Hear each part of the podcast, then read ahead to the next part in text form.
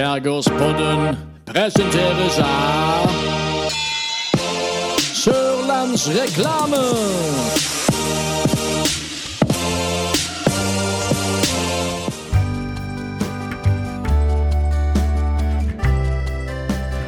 Skjærgårdspodden med Thomsen og Loland. Se det. Nå er vi Hurra Ja, jeg- for episode nummer 27! ja. Jeg ser du prøver å være entusiastisk, men sannheten er at nå er vi veldig veldig trøyte. Endre. Ja. Mm. Og sier jeg vi. Kan godt se på det som en hersketeknikk, men eh, nå, nå er vi Mm. slitne. Nå ser jeg på det at nå har du jobba mye. Det skal du helg. Endre har Mm. Det skal du i jobba helg. Dette er torsdag. Vi skal du i helg. 18 timer til endes. Og har nesten ikke sovet i natt. Og så får vi så vidt tid til å spille inn, og så skal du ut igjen og selge billetter til dette pariserhjulet. Eller, eller hva du gjør. Ja. Hva er det du gjør? Nei, eh, hva jeg gjør jeg? I år skal jeg faktisk jobbe i matteltet til herr redaktør. Jeg skal servere mat og øl og brus. Det er jo veldig langt ifra ditt eh, Normalt sett så står jeg i døra, og så rigger jeg. Ja, jeg ser for meg at du er veldig flink til å stå der, men at du skal begynne å servere folk mat, tror jeg kanskje er et sjansespill. Ja, det er et ganske spill. Men det kan være at det, etter korona så er det ikke så mange på lista. Men du, jeg tror iallfall du er en servitør som eh, folk kan sette pris på. Takk for det, For Lola. du kan liksom fortelle litt historie og Ja, men det var hyggelig å rase høre. litt. Og... Takk for det. Jeg gleder meg faktisk til å jobbe denne helga. For dette er jo liksom, jeg har gjort det i 22 år. 22 år, ja. Gjort det siden eh, jeg var 18. ja Så det er liksom en sånn fast tradisjon. og Hvor mange år er det Skallefestivalen har holdt på? Eh, Det eh, er hva- 22 hva- år. Ja, Var det ikke 30-årsjubileum i fjor? eller noe sånt? Å ja, ok, ja. Så du var ikke med helt fra Nei, jeg var ikke 24, med helt fra starten av. Nei. Men det var du. ja. Du jobba Hva? ikke på Skallefestivalen, men du eh, husker jo Skallefestivalens eh, opprinnelse. Ja, jeg husker det første skallebordet som gikk gjennom hele gågata. Ja. Og Mm. så, ja, så kom folk med veskene, og så bare skjøy, to hånder, så skjøy de bare alle krabbene og rekene opp i Mm. veska. Og vi møtte jo her om dagen, når vi møtte Lindesnes Avis i forbindelse med promotering av vårt eh, show som kommer, så møtte vi jo Reidar Eeg. Ja, Og du vet, Reidar Eeg var jo gallionsfiguren til Skallefestivalen gjennom mange år. Han var jo selveste kong Neptun. S. Men han hadde med seg en òg. Harald, Våg- Harald Våge, var det det som Var var, det det sånn der? i, i vogna? Jeg tror Harald Våge var sånn der eh, Sånn, eh, læreren på Blomdal ungdomsskole for å sette han, ja, plassere han. ja, eh, sånn eh, havfrue. Havfrue var han. For jeg Mm. husker han lå oppi en sånn vogn som Reidar drev og trilla rundt. Ja, ikke sant? Ja, ja. Det var en av historiens styggeste havfruer. Ja, For de skulle jo egentlig være fine, men Harald Våge er jo ikke så vakker. Ikke som havfrue. Sånn i er, hvert fall. sånn, ja, sånn er det Sikkert bare. et vakkert menneske. Ja, det, ja, ja, ja, ja, ja, ja. ja. ja hyggelig kar. Nei, så eh, men Nå er jo ikke kong Neptun Han figurerer jo ikke lenger, men det er jo litt sånn nostalgisk schwung. Jeg husker jo når kong Neptun labba gjennom byen. Jeg synes jo Det var litt sånn Det var jo sånn eh, Kaptein Sabeltann-aktig. Det var Han veldig kom kult. stigende opp ifra elva, Ja, og så Med den høye Yes. djevelforken. Ja. Eller hva det var for noe. Ja. Det var vel egentlig en harpun, kanskje. ja, ja, det var kanskje det. Så møtte vi han. Det var jo Ja. koselig. Ja. Og du, da? Å, herre mann. Nei, som Men jeg, du er jo trøyt. Ja, men du skal jo ikke jobbe på Skalldyren. nei, jeg skal jo ikke det, så jeg skjønner ikke hvorfor jeg er trøyt. Jeg tror det, er- det er så mye all slags. Og du er jo nokså ordentlig spasert òg, så du er jo ikke sånn som meg som er sånn nattedyr som liker å sovne når eh, Altså være våken når resten av Norge sover. Du sovner jo på kvelden. Ja. Og så, så ser jeg på meg sjøl som strukturert. Og jeg tror derfor jeg er sliten, for jeg har ikke struktur lenger. Det har jeg mistet Har helt du fullstendig, mistet strukturen? fullstendig oversikten. Ja. På jobb og hus og ting som skal gjøres og Nei, jeg, det er bare kaos. Det er utrolig dumt at vi har gjort oss ferdig med den angstpraten med Gunvor Launes, kjenner jeg nå. Ja. Vi skulle ha det- to her på hjørnet. Jeg tror vi må ringe opp. Ja. Får bare beskjed om å lage en timeplan. Men vi er kommet til episode nummer 27, eh, Lola. Ja, og det er nokså vilt. Det er nok, og det er jo ikke rart man blir sliten da, for det er ikke nok med det. Vi er ikke bare eh, episode nummer 27, men vi har jo eh, eh, 15, 16, 17 ep- bonusepisoder ute. Mer, Ja. mer enn det er jo 20 bonusepisoder ute. Sånn lang, langprate med Det var jo i avisen. Ja. Det kom jo en, eh, en nordlending og intervjua oss. Ja. Og Så, så da, da kom det jo fram, for da måtte vi jo si mange episoder og dybdeintervju og alt, og det var voldsomt mye. ja, det er mye. Så det er jo ikke rart vi er sliten da. Nei, det er jo ikke Men så er det jo noe med at det er jo torsdag morgen, og adrenalinet begynner å pumpe i kroppen, for vi vet vi skal spille inn podkast. Dette Sånn er er, jo, iallfall det. dette er jo en gladdag, egentlig. Ja, det er det. Så utover den dagen så blir det jo helt vilt. Ja. Og så er det fredag Altså, ja. Jeg har lada vapen, fått kaffe, du har kokt kaffe, alt er i Ja. orden. Sitter i godt selskap. En gledens dag. Og så har vi jo noe vi skal temme, som vi skal komme tilbake til litt grann senere. Ja. som, vi har, som motiverer oss litt ekstra. Det er artig. Og der tenkte jeg at nå kan jeg si det for å motivere lytterne. ikke sant? Det er jo sånn en sånn teknisk eh, greie, sånn journalistisk teknisk greie. Vi holder de litt. Det Ja. Eh. kommer noe seinere som gjør at det er nødt til å følge med. Dere kan ikke skru av. Dere kan gå inn på butikken og handle det dere skal, men eh, dere må bare sette den på pause, den podkasten. Ja, det kommer- altså, det så må kommer vi jo snart. takke alle lytterne som har vært med oss gjennom hele sommeren. Eh, Ja, ja, ja, for ikke vi- minst. Vi tenkte vi Og det har skulle, vært mange. at det blir en dupp i, i fellesferien og sånn. Vi hadde tenkt det, og det har det ikke blitt. Nei, så det Så har folk jo vært gøy. liker å høre på dette. For vi trodde jo at dette var sånn eh, Jo, det er når folk stiller i køer på vei til Kristiansand på jobb, så må de høre på dette. Og når de har ferie, så har de andre ting å tenke på. Men Skjærgårdsbåten har gått sin vante gang, og eh, tilbakemeldingene eh, hagler. Ja. Så eh, Men Har- Har eh, du fått noe kjeft? eh, Ja, jeg har vel egentlig det. Eller, jeg tenkte, Ja, det har jeg. Jeg har fått kjeft, og det kommer jeg jo til å ta opp eh, litt seinere i denne sendinga her. Oi, ja, veldig mange sånne hangouts. Ja, det- Eller hva det heter. Har du? Nei, ja, du hadde. Nå er du oppe i to Ja. sånne hengere. Vi må ha litt historie, Lola. Ja. Historisk sus fra fordomstid.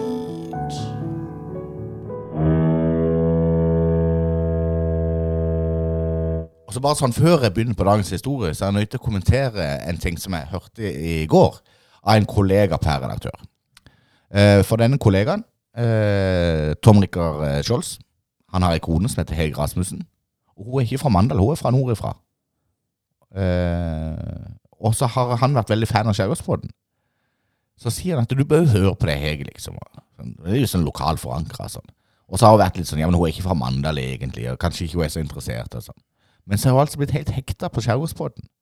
Og hun er blitt såpass hekta at han tok henne i å komme hjem fra Mandal bibliotek med Mandals bys historie i bind 1. Som hun har vært og lånt. Det smitter. Det er bra. Ja.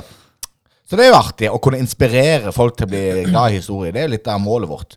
Og den historien vi skal ta i dag, den eh, går litt på det samme greiene. At vi ønsker at det så et lite frø som gjør at folk får litt sånn Wow, dette har jeg lyst til å høre mer om. Eller finne Ja. ut mer om.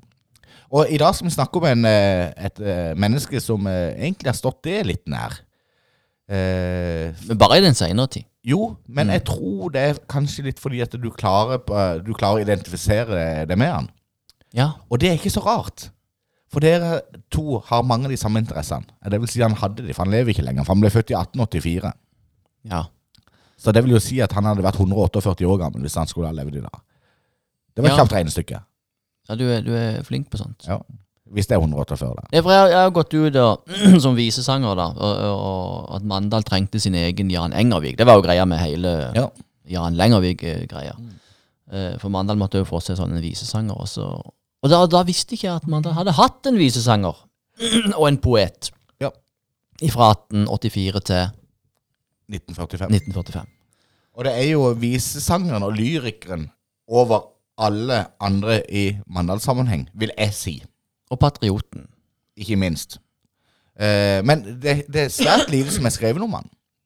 Altså fordi at han var jo Han var eh, lokalpatriot. Han var en kjempe Mandals lokalpatriot. Og alle har jo hørt navnet hans sitt. Men, eh, og det er en, en tale i hans minne, til hans minne hver eneste 17. mai på Uranienborg. Og det har det vært siden 1946 fram til nå. Så alle har liksom hørt om denne mannen. Men, men han ble jo ikke publisert noe særlig ut forbi Mandal. Sant? Så det er jo ikke noe svært kartotek på det store internettet å finne. Nei, svært lite. Ja. Vi skal jo selvfølgelig snakke om Lars O. Rølland. Ja. Eller Lars Peter Olsen Rølland, Det var det som var hele navnet, ja. som er hele navnet. Lars Peter Olsen Rølland. Ja. Og jeg har fått litt mer kjøtt på beinet nå, fordi at eh, min gode gamle klassevenninne, Marit Lindseth, dattera, yngste dattera til Knud Lindseth, eh, hun skrev eh, i tredje klasse på Manna videregående, når vi gikk på skolen der, en særoppgave om Lars O. Rølland. Denne særoppgaven ble tatt vare på eh, et eksemplar av deriblant Gustav Reiersen. Tidligere politiker, lokalpolitiker, og lærer på Manna videregående skole. Og i, 2000, og- i 2021 i forbindelse med Knud Lindseth sin 80-årsdag så fant Gustav Reiersen fram denne, dette særemnet. Så spurte han Marit Lindseth kan vi gjøre dette særemnet og om til ei bok om Lars Orøland. For det fins jo så lite om Lars Årdal. Kan vi ikke samle dette, det vi har? Så sier vi at det er jo en kjempeidé, og så gir vi den til pappa som 80-årspresang. For Knut Lindseth har vært veldig glad i La- Lars Orøland, og de bor Knut Lindseth har bodd hele sitt voksne liv i Lars Orølands gate. Ja. Så her passer jo egentlig det veldig fint. Så de har lagd ei bok, og denne boka har jeg fått tak i. Og dette er s- er særemnet fra Marit Lindseth anno 2001, som er utgangspunktet for det. Det er jo det er jo litt gøy. Ja, det er jo kjempegøy. Jeg sa jo til morgenen i dag at eh, 'Å, faen, jeg har lært om dette før'. Ja. Du kom med denne boka her, som er forholdsvis ny. Ja. Kom ut i år. Eh, 2021. 2021, ja.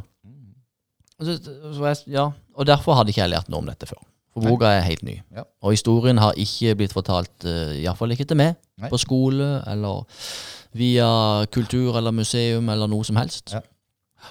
Og det, er grunnen til at jeg tror at du kan identifisere deg litt med Lars Orøland, var fordi at han var en, eh, eh, han var en lokalpatriot, og han var lyriker og visesanger. Han skrev kolossalt mye, egentlig. Så er det ikke alt som er blitt publisert, men i denne boka her, dette smykka i bok, så står utrolig mange av visene til Lars Orøland, og diktene.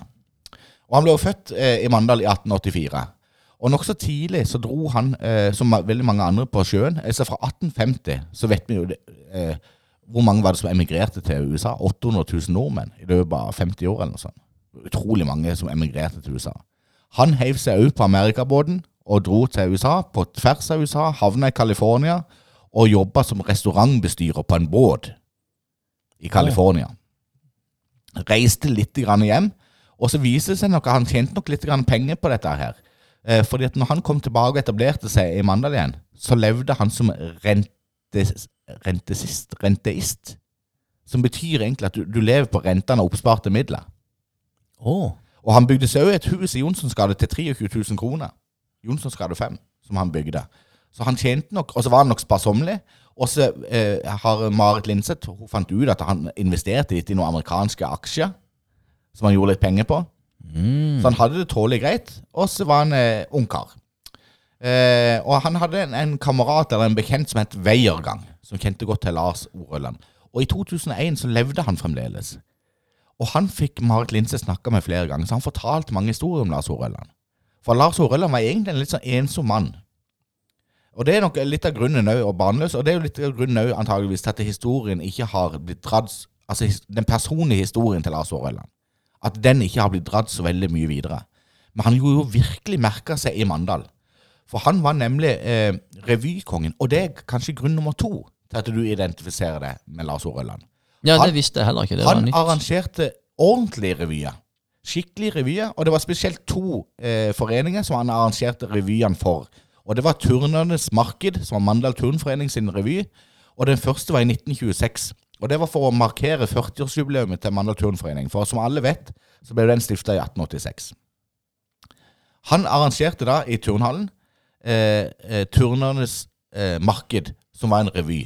Og det var en lokal revy, hvor han liksom eh, satte fingeren på eh, humoristisk og litt sånn spiss på enkelte ting. Han lagde sang og viser, han sto for hele revyen sjøl. Og ikke bare tok han Turnernes Marked og gjorde det med, men òg FK Mandalskameratene. Så det gjorde han òg i 1927. Så i 1926, 1927, 1928 og 1929, iallfall de årene der, så arrangerte han årlig revy.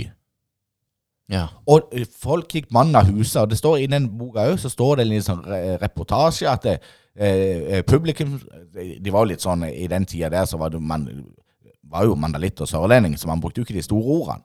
Men tilsynelatende så skal publikum ha storkose seg gjennom forestillingene. og Sånn Sånn sto det i disse her reportasjene.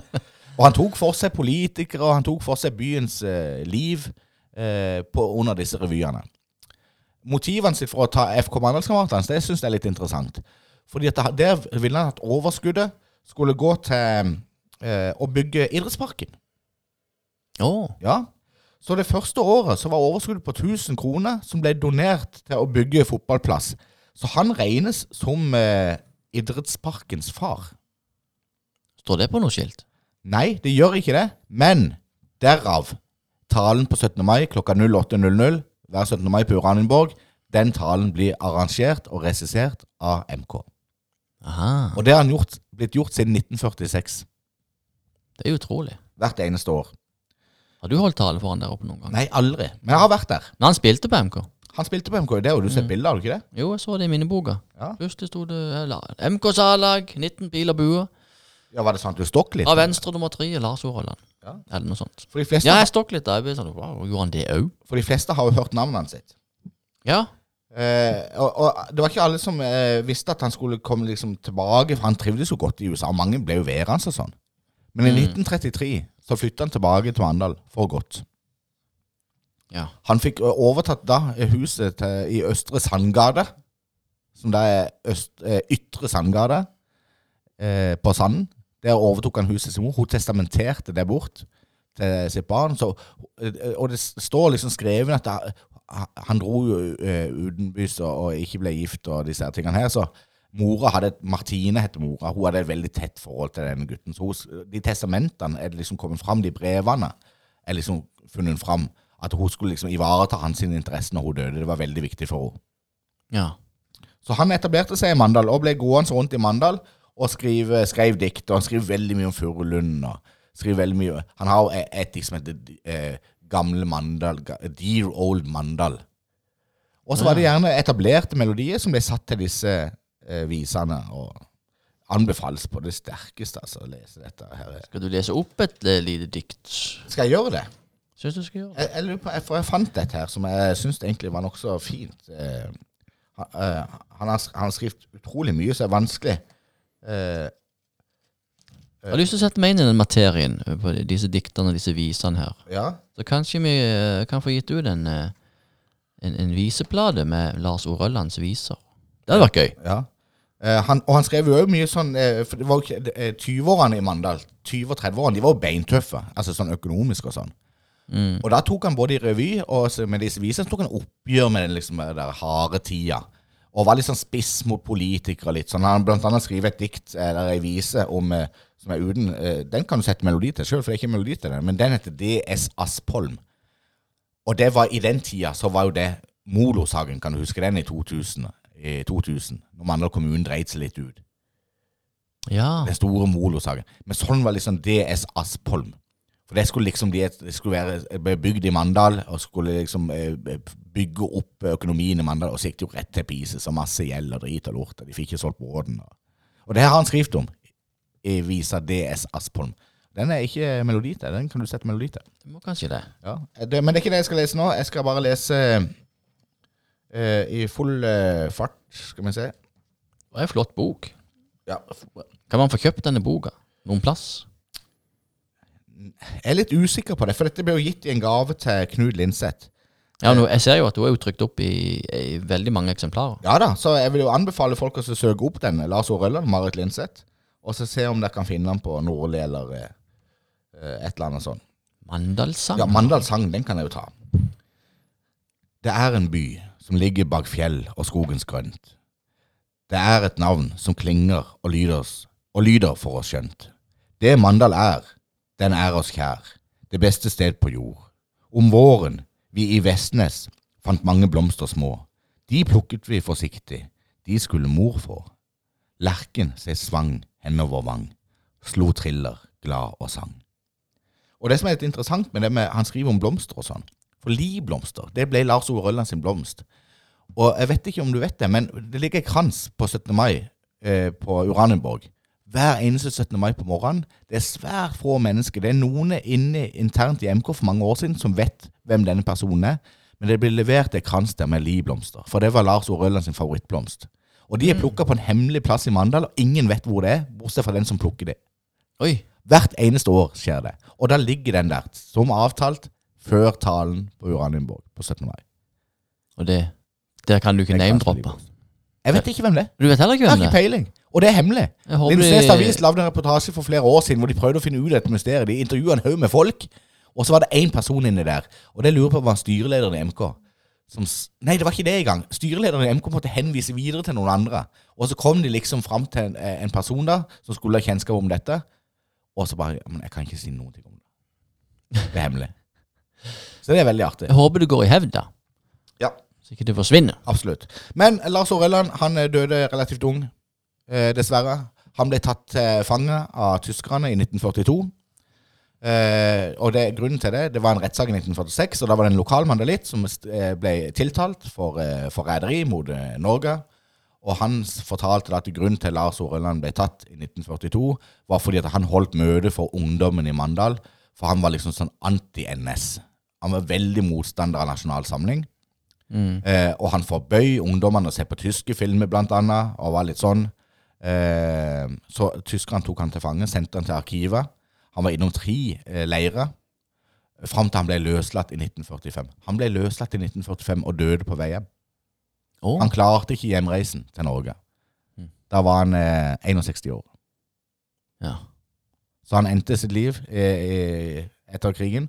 Og det står jo, så- minnesmerket det er jo veldig flott. Han eh, er jo donerte penger, eh, jeg lurer på om det var fra en av revyene, til å heise flagget på Uranienborg. Og han har derfor fått minnesmerket der oppe, hvor det står 'Her heiste han flagget på høyeste stang'. For Mandal og Norge han levde og sang. ja. Så det er Det er vakkert. Lars O. Rølland Bære.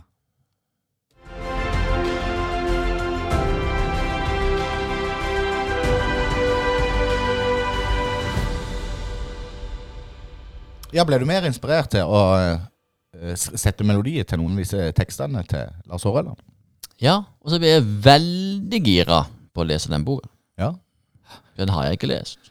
Det var en ting som jeg glemte å ta opp der, men det var en aktuell ting med Lars Orelland, for jeg vet ikke om du kan huske det, men i 2021 så fant de et, eh, Tyskerne var gode til å arkivere ting. Eh, sant? De har jo alltid vært flinke til det. Og deriblant så arkiverte de ei gullklokke av Lars Orelland, Å, som ble funnet i 2021 i arkivet til tyskerne, og ble sendt til Mandal. Oi. Et eh, lommeur. Til Mandal museum. Et lommeur. Og Det er det bildet i denne boka. Og det ligger på Mandal museum. Det ligger på Mandal museum, ja. Så det er blitt donert da til Mandal museum. Det er jo mus Mandal museum, apropos historie og sånne ting. Er ikke det helt uh, nyoppussa? Det er jeg litt usikker på. Er det, ja? Ja, jeg var der, eh, for jeg lagde noen filmer for eh, eh, fylkes... eh, Å, oi. Nå er vi der igjen. Fylkeskommunen. Ja, men inni gågata der, rett på andre sida av Smøy der, så er det sånn en butikk. Sånn en Husfliden. Husfliden, ja. Takk skal du ha. Nei, Ja.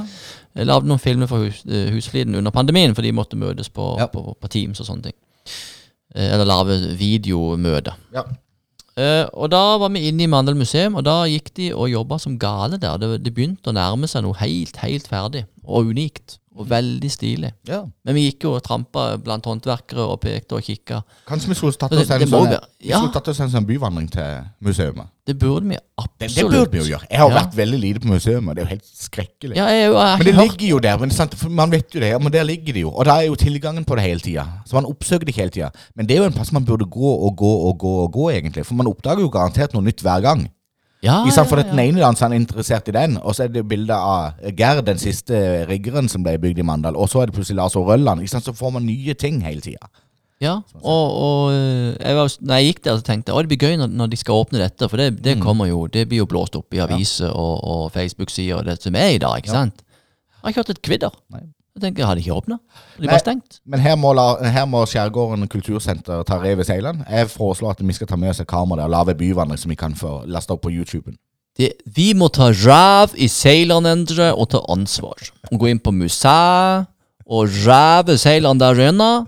Og vise fram befolkninga den deilige Dette her er til ære for eh, alle Skal vi- skal- nordlendinger som hører på. Skal vi ha med noe mat, da? Og hva slags mat skal vi ha? Hvor skal vi ta med maten ifra? Hvis du greier å hekte på den, nå, så blir jeg imponert. Skal vi ta den med fra Ytre Sandgata nummer 19? Vi, vi, vi, Surdeigsbrød fra Ytre Sandgata nummer 19? Den hadde jeg ikke klart å henge på. Jeg tror det første mente Edgars bakeri. Men du tenkte selvfølgelig på Ytre Sandgate, pizza bak i ovnen i bakgården her. ja. Jepp. Nøyaktig. Surdeigsbrød. Men vi må videre, for vi skal nemlig ha besøk av en gjest. Ja. vi Og må den det. gjesten er på vei inn i dette podkaststudioet nå. Ja da, ja da, ja da. Jeg syns jo at hvis du har sånn en skjærgårdspod, så kan du jo invitere gjester. Noen som har utmerka seg eller noe. Ja, det syns i hvert fall jeg, så.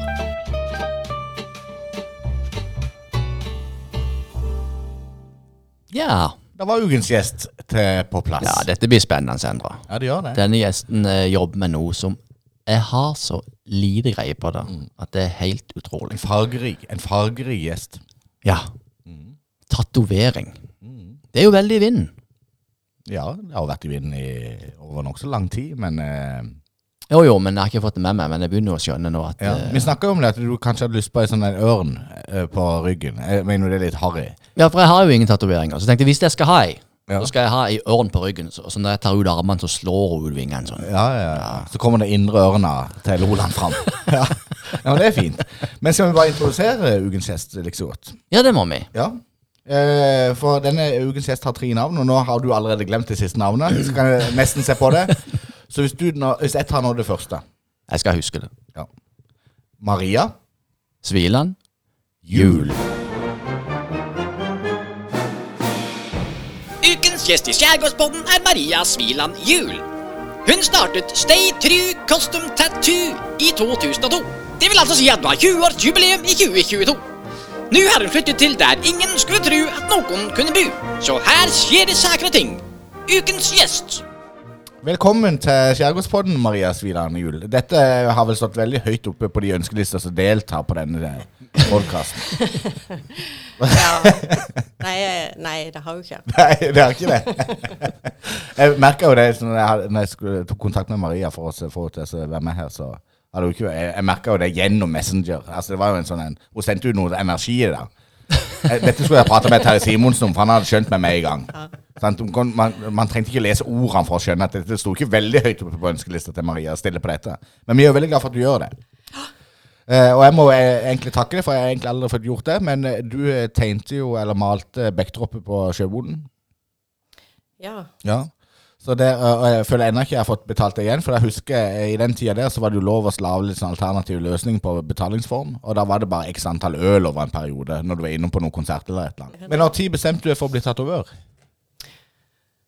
Ehm, Det begynte vel å få lyst til når jeg var på Bali. Reiste et Ja. år i, i Asia. Ja, det er lenge siden. Men har du gått på skole? Tatoveringsskole, fins det? Det fins ikke. Nei? Jeg har gått på kunstskole. Kunstskolen i Bergen og ehm, i Veile i Danmark. Ah, ja. Veile, det er en fin by. Ja, Nydelig by. Bodde på et slott der. Ah.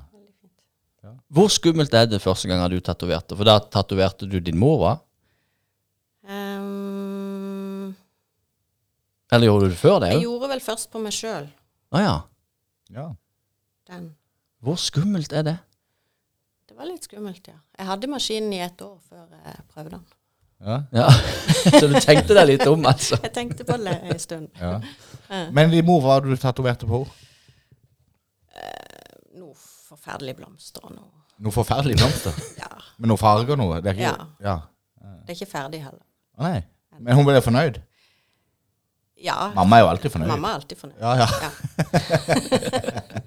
Men du driver jo et veldig eh, eh, Det er jo blitt et ærverdig studio. Og så er det jo ikke minst i et veldig ærverdig lokale.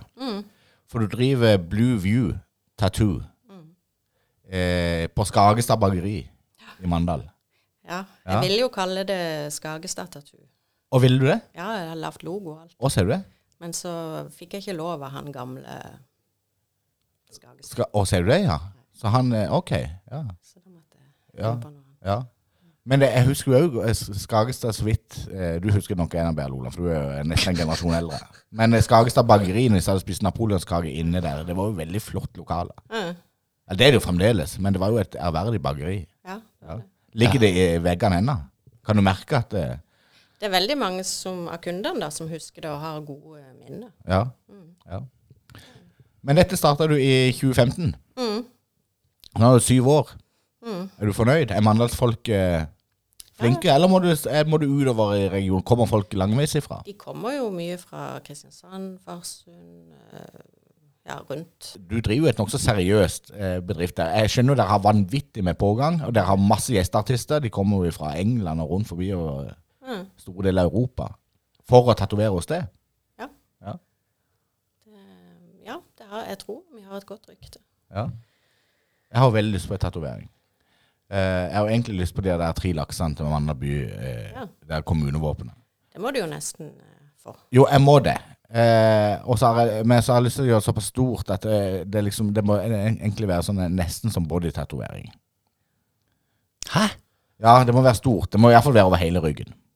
Ikke bare sånn liten fis som eh, Stian Johnsen har på armen. Hele ryggen, ja. Nei, Jeg vet ikke. er det ikke noe god idé, Loland? Byvåpenet på hele ryggen. Ja. Jeg har ikke så stor rygg, da. Nei, nei. Du kan, kanskje du kan begynne med en litt eh, Kanskje et lite byvåpen på rumpe, rumpeballen, for eksempel. Men,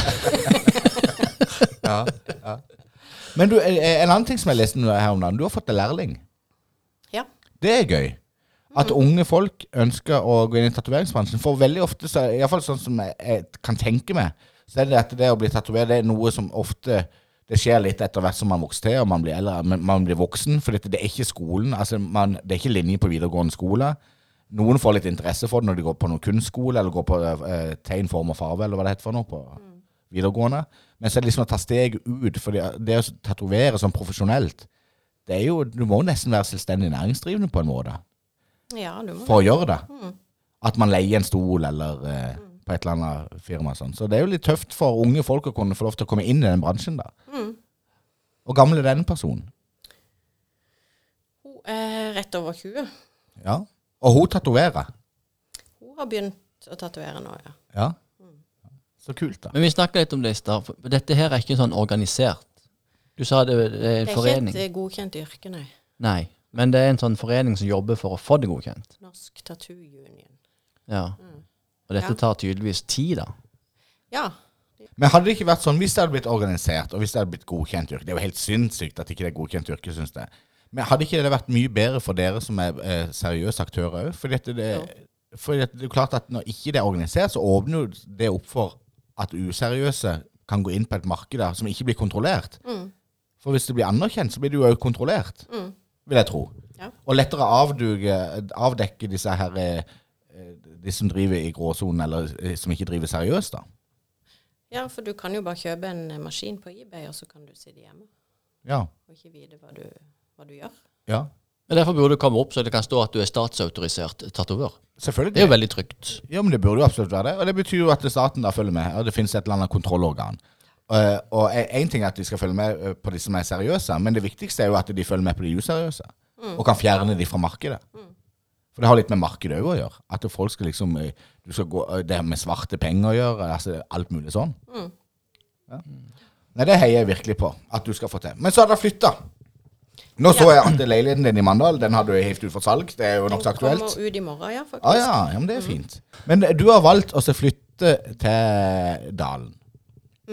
Tjomsland. Tromsland, ja. Ja. Og, og hvor- hvorfor, hvorfor ble det sånn? Ehm, for jeg traff en mann som òg hadde lyst til det. Og så fant vi det stedet. Ja. Og så var vi oppe og kikka, og så tenkte vi her vil vi bo. Jeg tror kanskje denne mannen vil si det samme om det. Fordi at Jon Erik kjenner jo denne mannen, for det var jo en tidligere kollega av Jon Erik.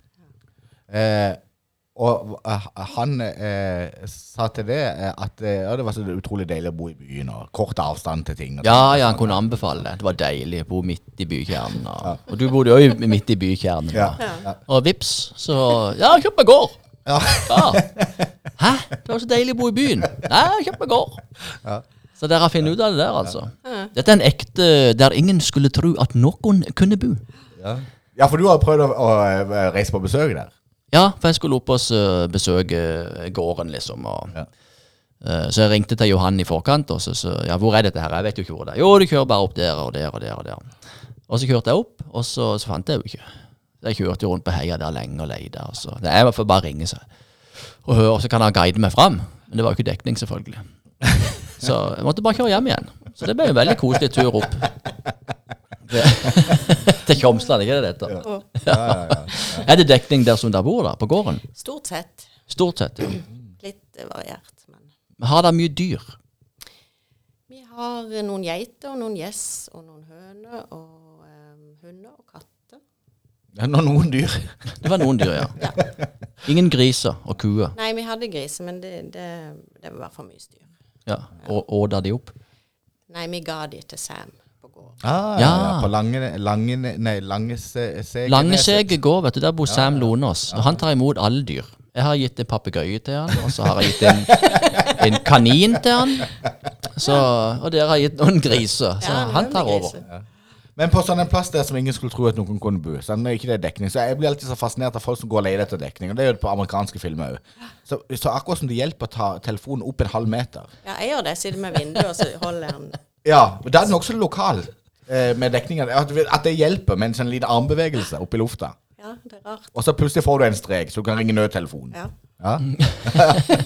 Men hvor deilig er det å bo på sånn en plass, da, hvor du eh, ikke Altså, du mister liksom alt, alt det der eh, som man er vant til. Det er veldig deilig. Du finner roen. Ja. Det er alltid godt å komme hjem. Men da eh, bod, var du ikke midt i byen lenger. Nei. Så da tenkte du jeg kan jo bare sykle opp og ned, men da måtte du rett og slett Jeg måtte eh, jo krype til korset og ta lappen. Ja. Ja, Ja, gratulerer med lappen. takk. Ja. Og ikke bare har du tatt lappen, men du har kjøpt et klenodium av en bil. Ja, jeg har alltid sagt at eh, jeg skal ha ei boble hvis jeg skal ha lappen. Ja. Så fikk jeg det. Og denne bobla vi tenkte å benytte oss av, Lola, fordi at vi skal på byvandring med den bobla. ja. Det har du snakka om flere ganger. En historisk ride i en gammel folkevogn. Det er gøy. Vi tar alltid bilde med ukens gjest. Det må vi gjøre med bobla. Ja, god idé. Nei, men eh, tida flyr ifra oss her, Maria. Eh, men eh, eh, det var utrolig hyggelig. Jeg, jeg må nøye til å komme i kontakt med deg igjen, for jeg må eh, få tatt den tatoveringa. Ja. Vi skal ha show nå i september. Ja. I slutten av september. Det er jo bare halvannen måned til. Det kan du tatovere. Mandal 100 år på 100 minutter, og så datoen. Ja, Og så Lolan og Thomsen. Spesielt Loland. Ja, og så bildene òg. Altså de bildene som henger på gamle kinoen der. Ja, ja, Og de er jo på. Så blir det jo nokså stor tatovering etter hvert. Ja.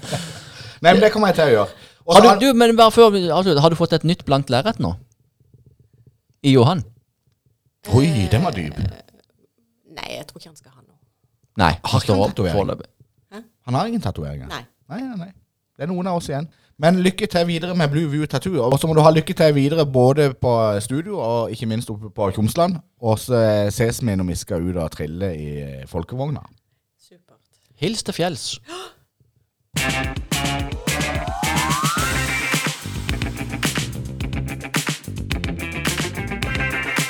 Vi fikk jo ikke snakka med det, eh, om det før eh, Maria dro ut av studio.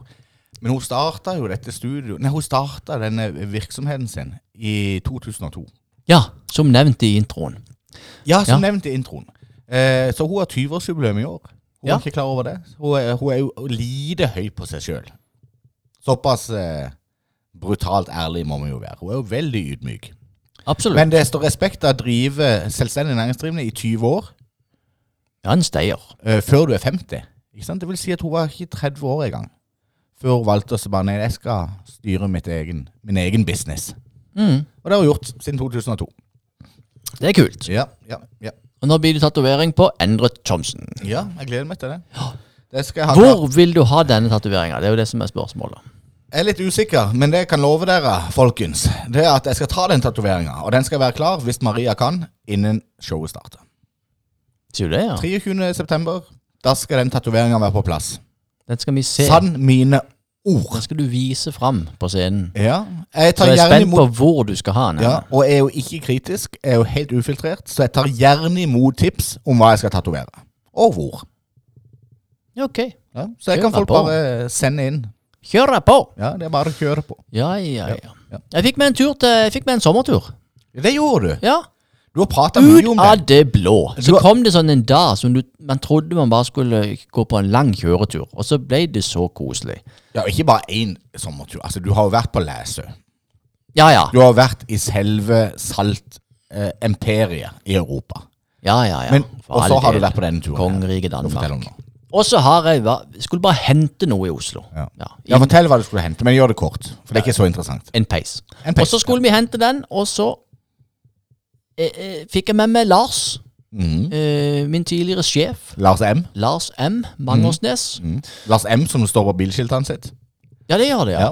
Mm. For Han, var jo, han drev jo det der Gustav Pedersen, var butikkleder der, og nå er han på Mhm. butikkleder på Monter Lindesnes. Butikkleder er et fint ord.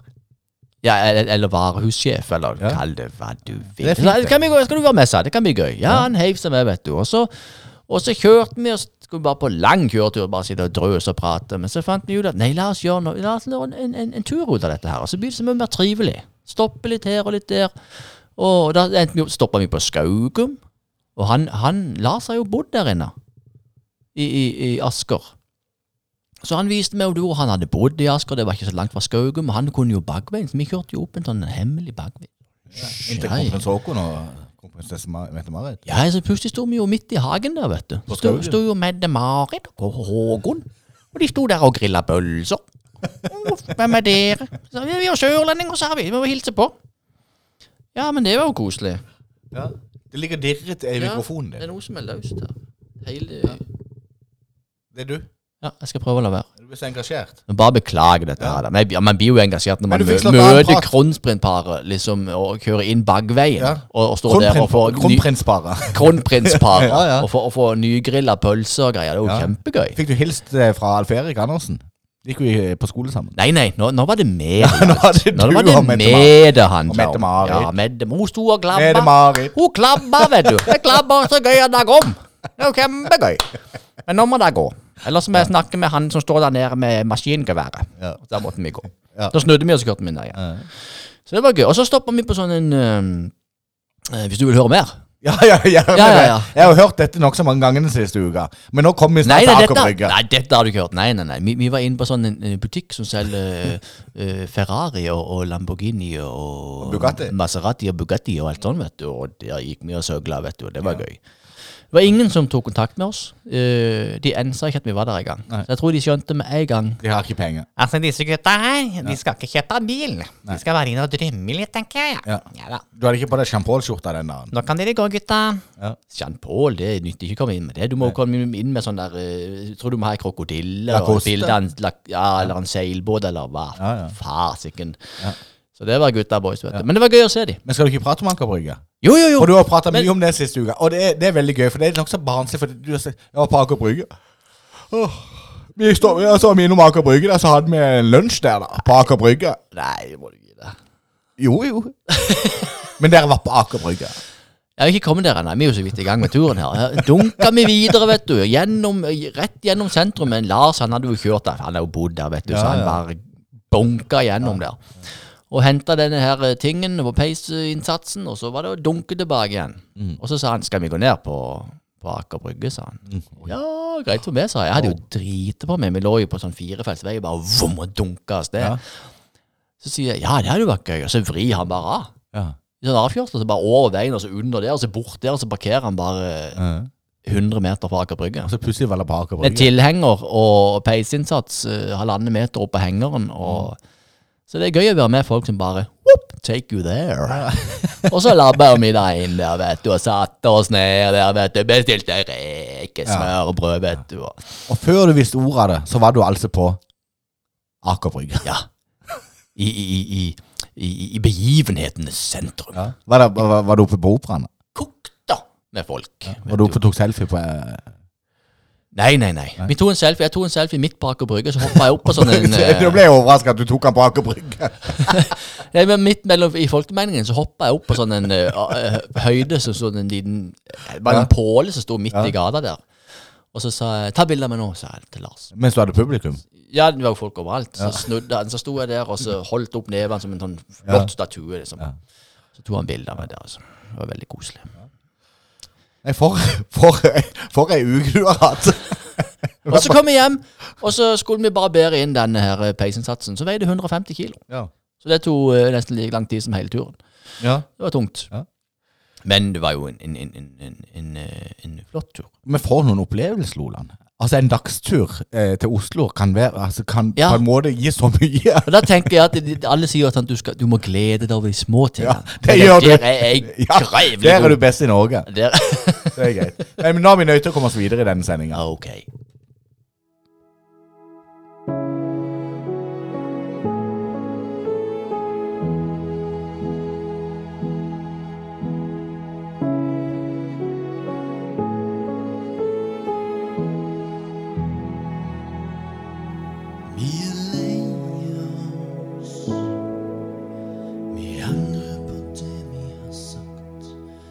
Vi er lei oss, Nå skal vi få det henlagt.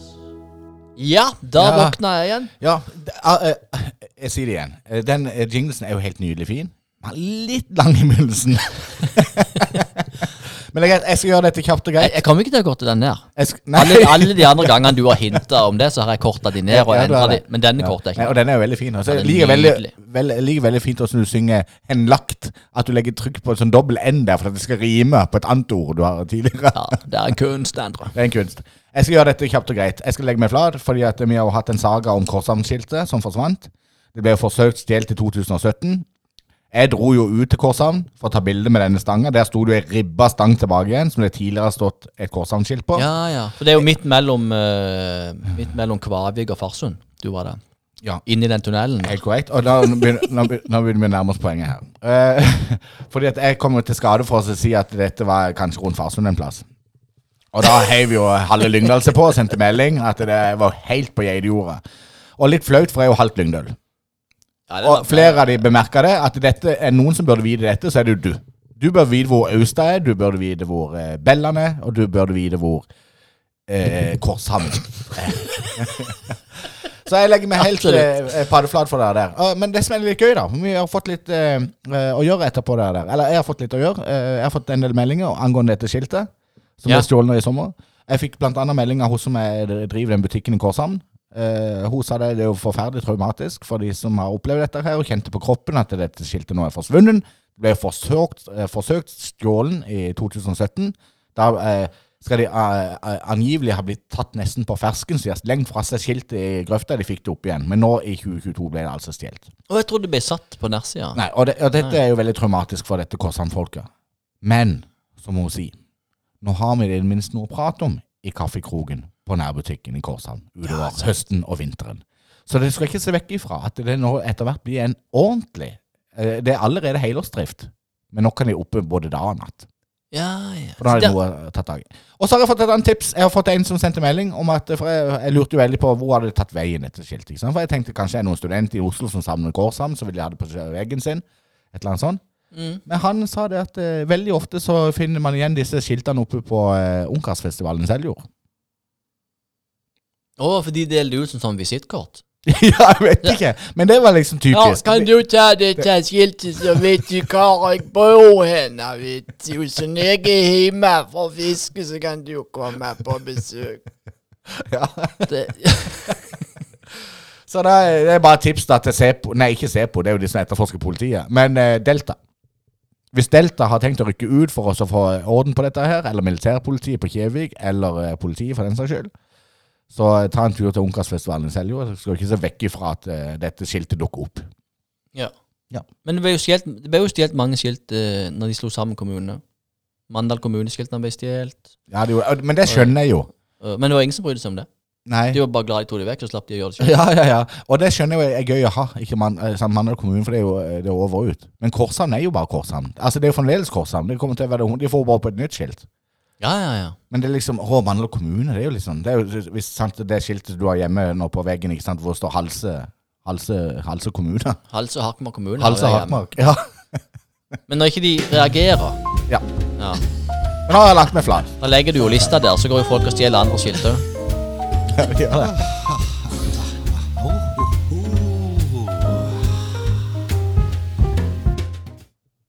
ja, så sånn var det med den Det er saken. veldig gøy at når jeg prøver å, å komme inn i samtalen, så, så avbryter du meg hele tida. Og så når jeg endelig skal få rom, så trykker du bare på outroen. Jo, men jeg syns Så det jeg var sitter jo bare her som et naut. Nei, du gjør jo Herre ikke det. mannen, du plaprer. Du, apropos eh, eh, Lars M. Ja. Ja. Han ble sikkert veldig fornøyd med at han blir name-droppa så hardt i denne episoden. her. Eller, at jeg trodde det var Lars O. Rølland du skulle snakke om, men Lars M, ja. Ja, ja. Lars Magnusnes. ja. Vi skal på tur. ja nå er det bestemt. Ja, og nå er det lov. Nå er katta ute av revesekken. Revehia. ja. Ja. It's out there. Mjau, Yes. mjau. Skjærgården kultursenter goes Dukinie. to Kenya. Vi skal til Kenya. Og det er jo undertegnede og eh, Loland. Og så har vi fått med oss Lars M. Som eh, support, kameramann og fotograf. Ja, ja. det er jo helt fantastisk. Og positiv eh, energi. Så det blir jo utrolig gøy. Jeg gleder meg til det. Det blir en, det blir en sagnomsustur, tror jeg. Ja. Det blir veldig gøy. Jeg har, jeg har aldri vært i Afrika. Lars har aldri vært i Afrika. Mm. Du har vært i Afrika. Du har sagt at det er greit. Ja. Og jeg er Og nok- trygt jeg er og nokså godt. engstelig av meg eh, t- eh, til Ja. vanlig, eh, som de fleste vet. Så eh, når jeg har eh, følt meg trygg og grei i Afrika, eller i Kenya Vi sier jo gjerne vi skal til Afrika, men det er jo liksom eh, verdens største altså, Det er jo et svært kontinent. Ja, men det er akkurat som det er en Ah, klart. liten by. Ja. At vi skal til Afrika. Men vi skal til Kenya. Det er sånn den sangen eh, sendte det Øst-Afrika. Mm. til eh, månen. Månen sa hipp hurra, sendte det til Afrika. Ja. Men så sier månen aldri hvilket land. Nei. Du kan ikke sende et brev til et kontinent. Nei, du kan ikke det. Så det, det syns jeg er litt teit med den sangen. ja, det er jo veldig At teit. ikke det er spesifisert. Ja, det er det. Men Men det er eh, gøy. det er noen måneder vi skal reise, men da skal vi jo gjøre masse forskjellige gøye ting. Så vi skal jo på jobb. Vi skal jo lage reisereportasjer og videoreportasjer. Ja, og vi Ah, ja, skal ja. spille inn to podkastepisoder direkte fra Kenya. Det Det blir blir veldig, artig. det blir veldig kult. Det blir veldig spennende å se hva vi fikser som ukens gjester, da. Ja, har de fiber? Nei, fiber. Ja. Hvorfor det? Hvis du skal sende live. Nei, Men de har jo 4G. Ja, det holder jo det. Ja, ja, ja. Nei, og, så, Har de VIPs? nei, de har MPSA. MPSA? Og det er gøy. Fordi at eh, Artig at du tar det opp, Jon Erik. Fordi at eh, MPSA Man tenker jo at Kenya, Afrika, ikke sant, det er noe utviklingsland. Eller u-land, som vi ofte har kalt det. Og på mange måter så er det jo det. Men når det kommer til sånne pengetransaksjoner og sånn, så er de langt foran oss. Du vet, MPSA det er den kenyanske versjonen av VIPS. Den ble etablert i 2007.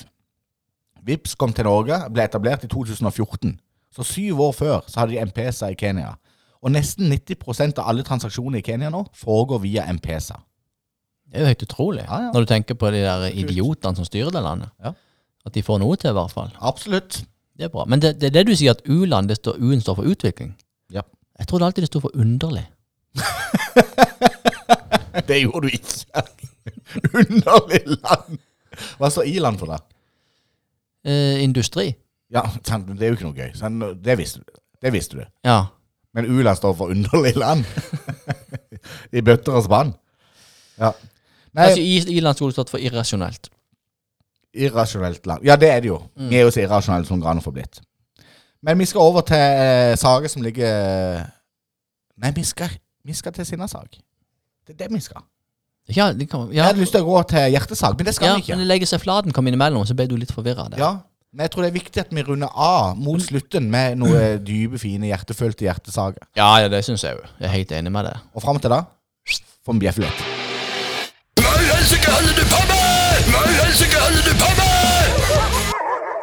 Og her har du forberedt deg. Så her har jeg bare lyst til å si go for it, Lolan. Go for it. Go for it, lowland. Ja, eh, Oppland Arbeiderblad. ja! Ja. Det har blitt Av en eller annen merkelig grunn så følger vi den avisen på Facebook. ja. Og det har vi, ikke, vi har jo ikke bedt om det. Men den kommer opp hele tida på vår Facebook-feed. Skjærgården kultursenter. Opp, Ja. Oppland Arbeiderblad. Oppland Og Arbeiderblad. det er en relativt lokal avis. Ja, og så hadde de en sak Ja. som jeg tenkte jeg kunne relatere meg til. Jaha. For det står nemlig det at Gjøvik kommune Min sønn bor jo i Gjøvik kommune. Ah. Ja.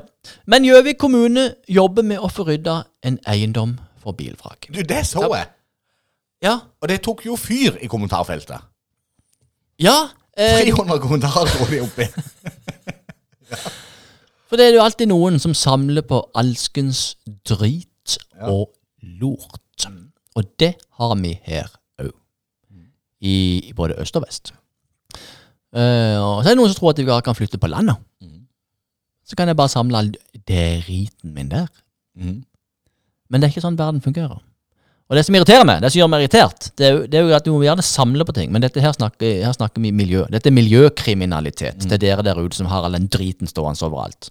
Og har ti bilvrak som jeg kunne levert og fått 30 000 i vrakpant istedenfor at det lå rusta i naturen og skade kanskje flere maur som har krypt opp igjen og så ki- skrapt seg på sida på noe rust og noe greier. Forferdelig. Så det er, mil- det er miljøkriminalitet. Det er ikke lov til å samle alskens drit på tomta di. Og, men det, det, og det irriterer meg ikke. Men det irriterer meg at det er jo ingen som tar tak i det. For det har de jo ikke tid til. Altså Hvis du blir slått ned på gata eller eh, om, om rana omtrent, så politiet har jo ikke tid til det. Nei. Det har vi ikke ressurser til. Så det det irriterer meg at i Norge kan du være så kriminell du absolutt bare vil. Så lenge du ikke dreper noen. Men utover det, gjør hva du vil, for de, bare, de blir henlagt. Nobody cares. Vi, altså, vi er et samfunn med forholdsvis lite kriminalitet fordi at folk er greia. Mm. Sant? Og jeg- Det er en veldig god sak, Loland. Og det minner meg faktisk litt om det når vi snakker om u-land, underlige land i Afrika. Eh, for du vet dette store ørkenrallyet der. Der er det blitt en sak nå. Fordi at, eh, det var en som fortalte meg, en som har vært og deltatt på disse her, at det nå, nå vil de ikke ha eldre enn seks år gamle biler inn på kontinentet, inn i Afrika, på grunn av miljøet. Sant? Så de må søke om spesialtillatelse for å få transportert disse eldre bilene inn på kontinentet for å kjøre rally. Så, så der er disse underlige landene kommet lenger oss- enn oss irrasjonelle land. Igjen så ligger de lenger foran. Yes. De får vips før oss. De, det er forbudt med plastikk. Forbudt med du får plastikk. Mm. ikke lov å kjøre rundt med gamle biler. Nei. Altså, De har jo så mye kontroll som vi ikke har. Altså, jeg, jeg, av og til så blir jeg litt sånn underlig. Eh, Blir du jeg underlig? blir så underlig. For når du sier at nå har de Men du vet hva det betyr å bli underlig? Altså, du blir Drit- rar. Ja, drit i det. Nå har de valg i Kenya. Og Du de vel, undrer, det er det du mener. Du blir ikke underlig. i, iblant så undrer jeg meg. Ja, ja, det er riktig. Gi meg litt forståelse, da. Ah. Men du sa just at det var valg i Kenya. I går, faktisk. Ja, Og så velger de mellom to idioter. ja gjør det. Men allikevel så ligger de langt foran oss. Ja, ja. Og så hva sier det om våre ledere, da? Ja, ja. De må jo være totalt tilbakestående. Ja, men de er jo det. Ja, det er- Lederne er jo ofte det. Det er jo stort sett psykopat som Av er og til så må man stikke fingeren i ræva og tenke seg litt om. Nei, jeg mener i Stikke fingeren i jorda, som de sier. Ja. det. Det er helt sant. Men eh, la meg få ta Sinna-saken. er du- Sinna! Ja, Endre Sinna. Og den skal jeg ta på vegne av Elin. Det er ikke min egen Sinna-sak. Journalisten. Journalist Elin. Ja, hun Elian fra Tromsø. Elin f- er jo fra Tromsø. Hun nei, er i hvert fra- fall nordfra. Ja, fra Nordfra. Ja, ingen tvil om det. Ja. Men eh, hun snakka med på telefonen her om dagen, for hun skulle lage en sak om Skjærgården kultursenter. Og så sier hun men du, mens jeg har det på tråden, jeg har en sak som jeg er sinna på. Jeg er Ikke bare sinna, men jeg er, ra er, ra er rasende.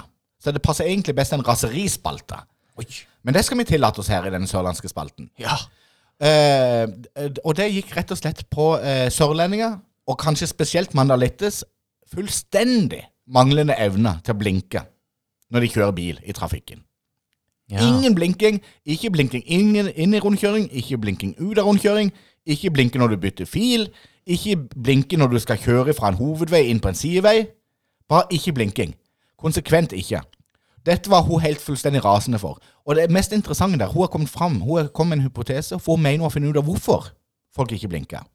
Og det er fordi at mandalitter og sørlendinger, de er så inne i seg sjøl at de har ikke behov for å blinke, for de vet jo hvor de skal. Ja. De vet jo at de skal til Ima, så de gidder ikke å blinke. Og da er du nokså inni det sjøl, når ikke du klarer å sette deg sjøl inn i trafikkbilder hvor det er andre medtrafikanter. De har ingenting med saken å gjøre. Og jeg vet jeg skal ut til høyre i den rundkjøringa, så jeg gidder ikke å blinke. Jeg vet jo allerede. Dette har vært i Sinnaspalten før. Har du det? Husker du det? Jeg sa folk som er så eh, opptatt av seg sjøl at ikke de tenker at det er andre folk rundt dem. Akkurat. Det er bare min sak som gjelder. Nøyaktig. Men Her er det jo spot on. Hun treffer jo. Yes. Blinker. Men skal man blinke inn i rundkjøring, eller bare ut? Man skal blinke inn, og man skal blinke ut. Ja. For jeg sa du nemlig på med ny daglig leder i MK, Atle Lund Christensen, her om dagen, så sier jeg hva i helsike er det du holder på med?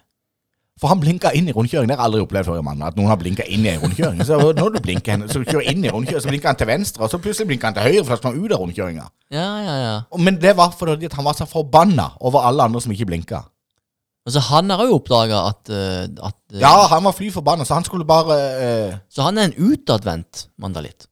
Ja, han Ja. er jo det. Han, har- han tar oppgjør med det erkemandalske. Ja, så det er en Erkesørlandske. mandalitt. Ja. For dette er et sørlandsfenomen, tror jeg.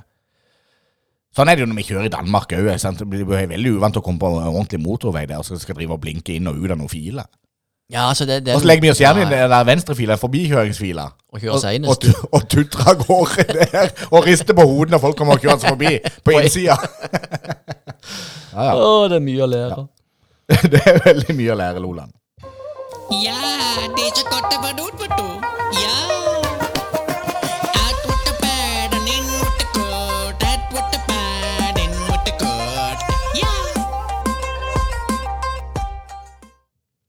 Men du var inne på eh, Oppland Arbeiderblad. Ja. Vi- Det er flere sånne aviser som vi eh, Jeg skjønner ikke hvorfor, men det er kommet inn i vår som, at vi følger de liksom. Vi gjør jo ikke det. Jeg visste jo ikke at det var på Gjøvik engang.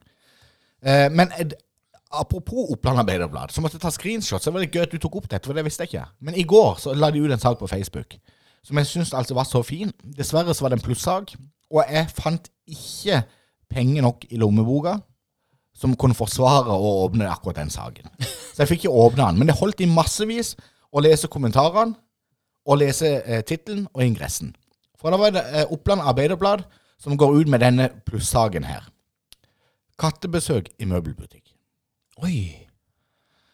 Og så er det da bilder av daglig leder, nokså flott daglig leder faktisk alt, eh, som står på utsida av butikken, litt sånn i profil, mens hun blir tatt bilder, og så sier hun Har kastet den ut to ganger allerede i dag. Oi, og to ganger på én dag, ja. Ja. Da, da er det avisstoff. Ja, og, og, s- og så er det i dag. Og det, er, eh, det, det må vi bite oss merke i. For dette, den dagen når vi og det skal åpne nettavis, vet du, da må vi være så proaggressive. For her har Oppland Arbeiderblad vært på besøk samme dagen som hun har kasta den ut to ganger. Ja, ikke sant. Men det er ingen bilder av katten her. Iallfall ikke på forsida.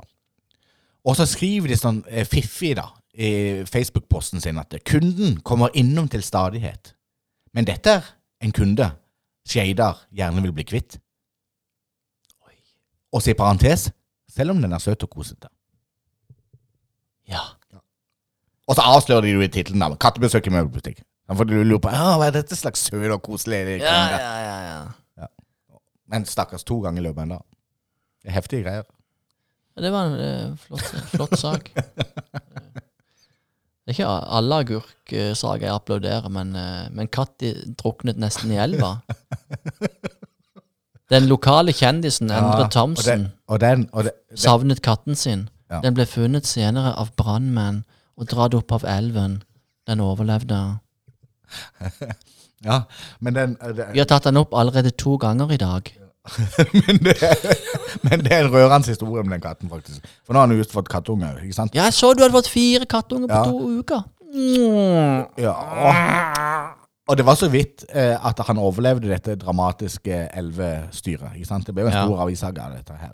Det var jo så vidt du overlevde. Han har i hvert fall ikke, Og i sorg.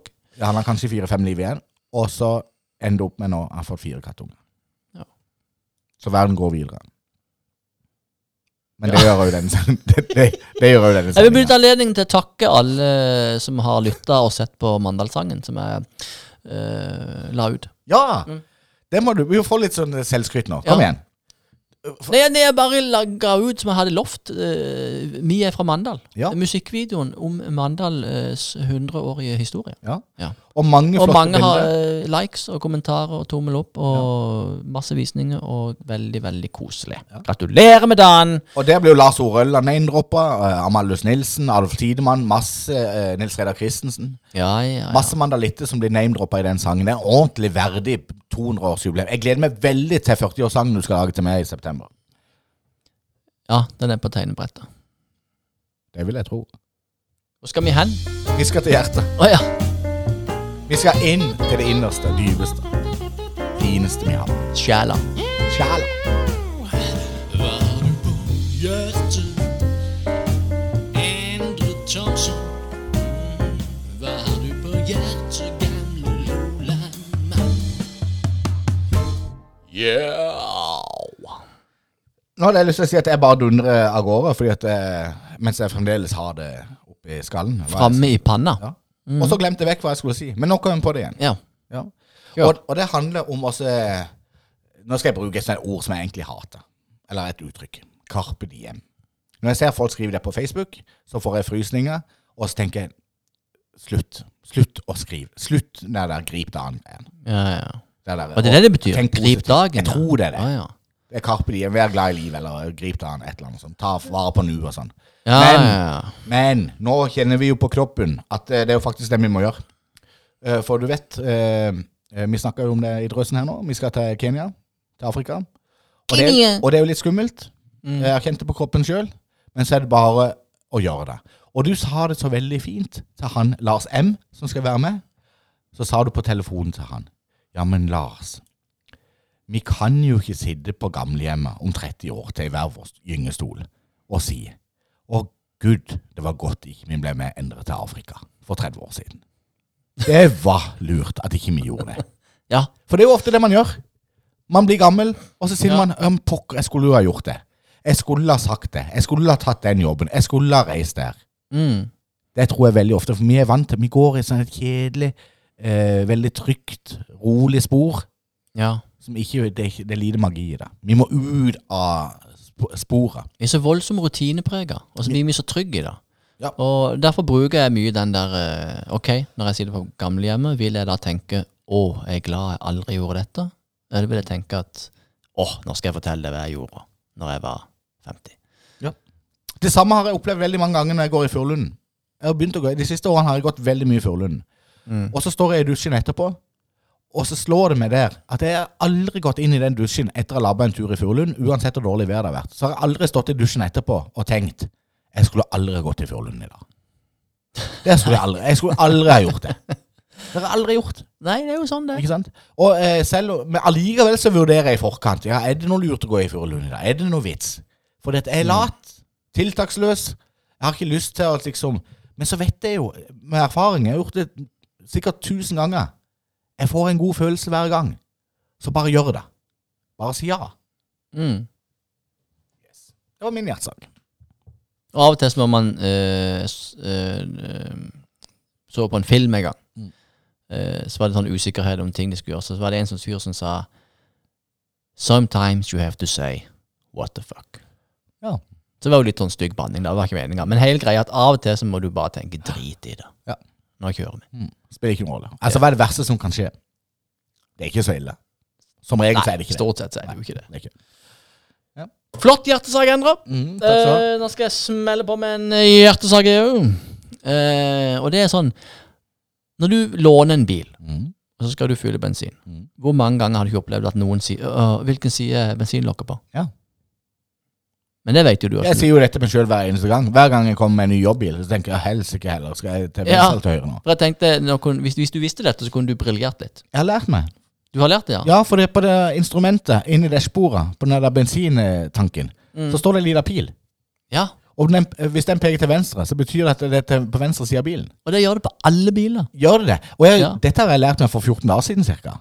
Ja, jeg lærte Og det det for er ett år 50-50. siden. Herregud, hvor mange ganger jeg har gått ut av bilen, og så nei, må jeg snu igjen. Så må jeg kjøre rundt pumpa, og så på den Ja, andre ja, ja. pumpa. Ikke sant? Ja. Jeg lærte det Og det verste er at jeg kjører gjerne rundt pumpa, og så havner jeg på samme sida. Går jeg ut av bilen og ser meg. For da har jeg bare kjørt opp til en pumpe som står mot speilvendt. Og dette lærte jeg av min sønn før han fikk lappen. Det er flaut. Gjorde du det? Ja, for et år siden. Litt over et år siden. Så kjørte jeg bilen, og så Åh, hvor er den bensintanken? Ja, men pappa står jo i instrumentpanelet. Men tror, Det er flaut. men tror du til og med det står i instrumentpanelet til Maria Sviland i bobla fra 68? Nei, det kan jeg Det, det, det tror jeg ikke det gjør. Men det er et nyttig tips. Det er liksom hverdagstips. Ja, og ikke bare det. Jeg har mer på hjertet. Ja.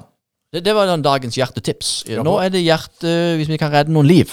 Åh. Eh, for nå må alle, altså iallfall dere som lytter på denne podden, for mest- med av dere, dere må legge vekk mobilen når dere kjører bil. Ja. Det må vi bare gjøre. Ring opp, svar på meldinger og e-post og alt som plinger inn der. Ikke hør på telefonen. Og hvis, det, hvis du er sånn som må sjekke med en gang, sett den på lydløs før du kjører bil. For dette har tatt livet av mange folk. Og de fleste blir ikke tatt for det.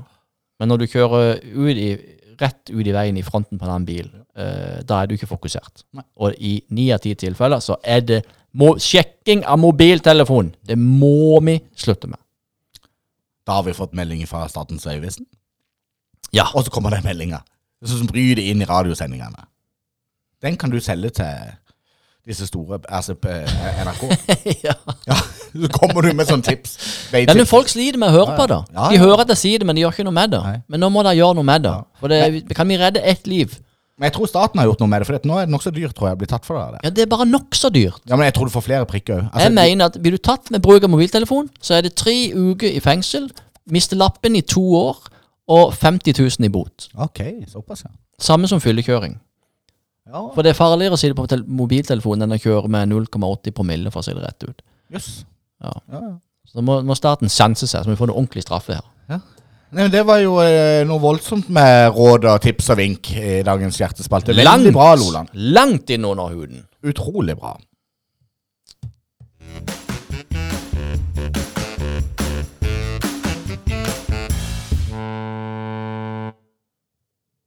Yes. Oi. Ja, det har vært en fin sending i dag. Det var Olav. deilig, altså. Vi var litt trøyte i begynnelsen, men himmel og hav, det ble gøy etter hvert. Ja. Ja. Eh, man får eh, det, jeg synes- det er sunt å prate, tror jeg. Det er veldig sunt. Du kommer med tunge skuldre, og det er mye å tenke på, og du er sliten, og så sitter jeg her og prater med, med Endre Sjøbond Live sin eh, Thomsen Smoy, og, og så blir jeg letta. Altså, det letter at du er psykolog. Du, nå er du min psykolog, og du har ikke utdannelse som det engang. Ja, jeg- eh, det har jeg forstått at det er det. Og så skal jeg bare stille et spørsmål. Vet du hvorfor man har to ører og en munn? Ja, det vet i hvert fall ikke du. Nå kan ikke, nå, Ellers så driter du bare i det. for du skal lytte dobbelt så mye som du snakker. ikke sant? Og hvis du, der, hvis du klarer å se- eh, få- komme inn i en sånn en slags modus hvor du faktisk lytter, og ikke sitter bare og kikker ut i lufta og venter på det du, at du får sagt det du har oppi hodet, bare venter til at ikke det er noen lyder mer, så du kan si litt, da, da blir det magi. Da blir det magi. Jeg, skal, jeg skal være litt Det mer er fint. tilbakeholden. Men avslutningsvis så har jeg veldig lyst til å sende en liten eh, eh, takk. Shout-out. Jeg har lyst til å sende en shout-out til alle våre sponsorer. Mm. Absolutt alle sammen. Det er vel fortjent. For dere tenk... Ja, vel fortjent til, Til sponsorene. Ja, ja. Ja. Fordi at de eh, har eh, Nå har vi sittet her og spilt inn episode nummer 27 av Skjærgårdspodden. Og vi har nesten 20, rundt 20 bonusepisoder ute. Det hadde ikke vært mulig uten lokalt næringsliv. Vi er Nei. veldig glad for det. Og så sender jeg mine fremdeles dypeste medfølelse til Korshamn-folket som savner skiltet sitt. Ja. Og- At du trodde du var på vei til Farsund. Det er gøy. Nei, det er det ikke. Det er Lyngdal, og det, det kommer jeg aldri til å glemme. For å si det sånn. Jeg vet ikke, Siden vi hadde noe, nei. Vi er i ferd. Har Vi du er noe i mer? Har du eh, noe mer? Jeg visste ikke om det var en spalte til. Nei. Den der eh, boka mi. Nei, se- den kommer neste gang. Neste gang så skal vi anno- eh, introdusere en ny spalte. Bogami, bogami, Kommer aldri til å bogami. skje. Jo, vi skal det. Big- Bigami. Bigami. Bigamispalten med Loland og Thomsen. Boka mi om begami. Ja. Ja, ja. Men eh, enn så lenge, tusen takk for at dere eh, følger med oss og lytter. Send oss tips og vink. Og så ses vi, eller høres neste uke. Vi ses forhåpentligvis på show i slutten av september. Hvis du har vært en av de heldige som har fått seg billett, for der er det veldig få billetter igjen. ja. Skal du starte? Der kommer han. Så nydelig. Ja, da. Eh, Takk for en hyggelig eh, torsdag formiddag, eh, Endre. Jon Erik, tusen takk for at jeg kan komme her hver eneste torsdag og sitte og kikke deg dypt inn i øynene. Og lytte til det du har å si. Snart skal vi gi hverandre en klem. Det blir ikke på denne sida av jul, men eh, Nei, nei, nei, nei. Skjærgårdsbåten skal nå lyve. Så jo da, ja vel. Ja, det var sånn det ble. Og Loland lurer på så mye. Og Endre Thomsen viser vei. Så ja da, jo da, men alliavel. Nei da, så Nei, vi må, vi må labbe hjem nå, for vi skal ete. Neste gang skal vi ha alt på stell. Og vi håper du ønsker å være til stede. Mm.